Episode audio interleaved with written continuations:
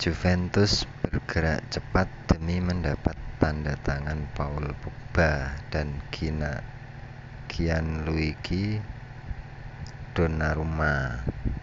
Paul Pogba dan Gianluigi Donnarumma memang disebut menjadi target prioritas Juventus di bursa transfer musim panas. Melansir Football Italia Juventus bersedia melepas Cristiano Ronaldo ke Manchester United dan menukar dengan Paul Pogba. Adapun Paul Pogba